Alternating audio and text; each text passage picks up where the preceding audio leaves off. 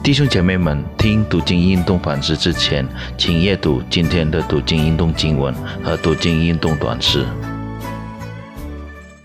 各位主内弟兄姐妹，大家平安，我们又再见面啦。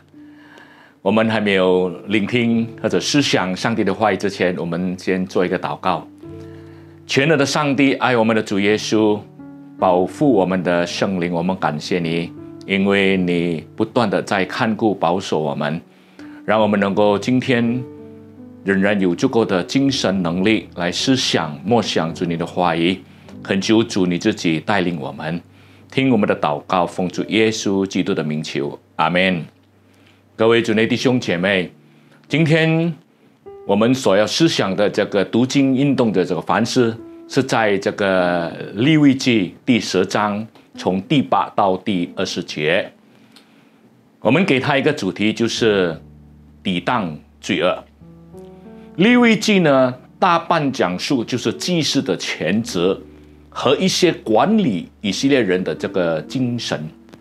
所以呢，这段的经文呢，谈到呢关于如何隐含酒精的条例。主持这个祭具的祭祀呢，进去会幕呢，执行这个这份钱呢。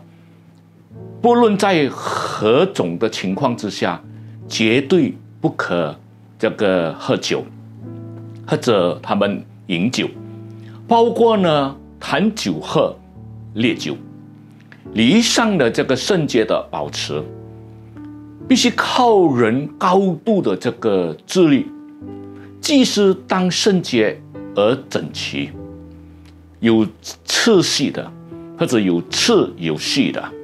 遇到悲哀的时候呢，他们坚持到底而不乱，因为什么呢？他们要侍奉别人。在这里，亚伦前两个儿子因不守祭司的这个条件，所以呢被上帝呢刑罚处死刑。赎罪祭呢有两种，那第一呢就是呢把祭性的血撒在那个会幕内，第二呢就是。把祭性的血呢撒在外面的祭坛上。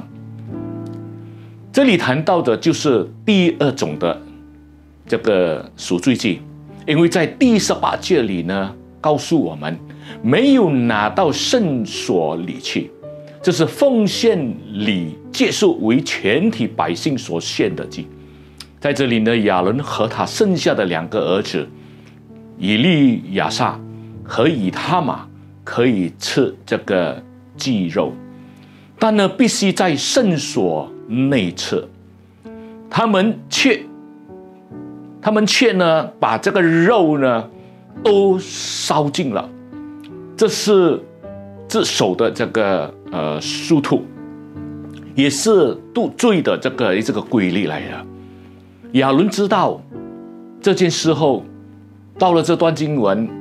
亚伦把赎罪祭的羊也献了，原来可以留下来的可以吃。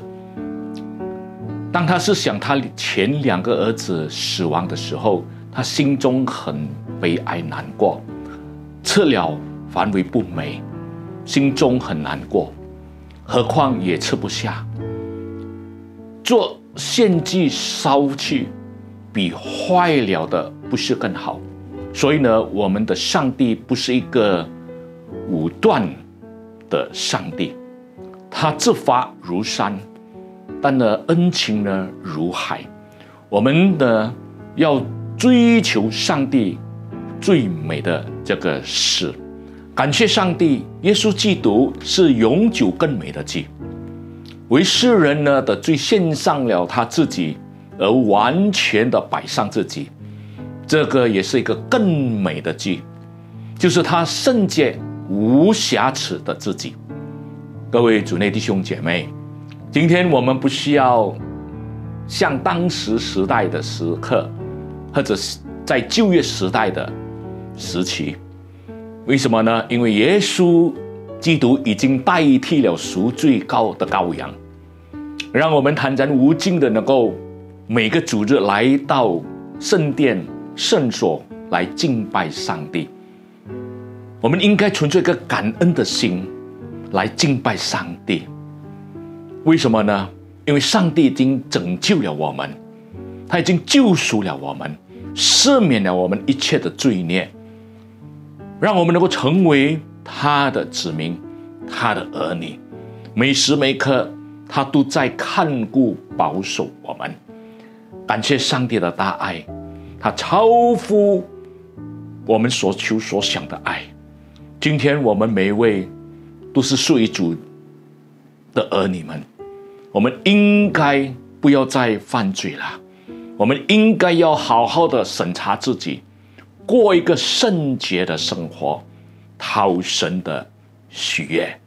愿上帝帮助我们，我们再次的低头祷告，感谢主你的话语，让我们明白你已经担当了我们的罪。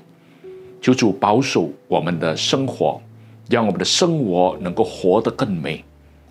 感谢赞美你，听我们的祷告，奉主耶稣基督的名求，阿门。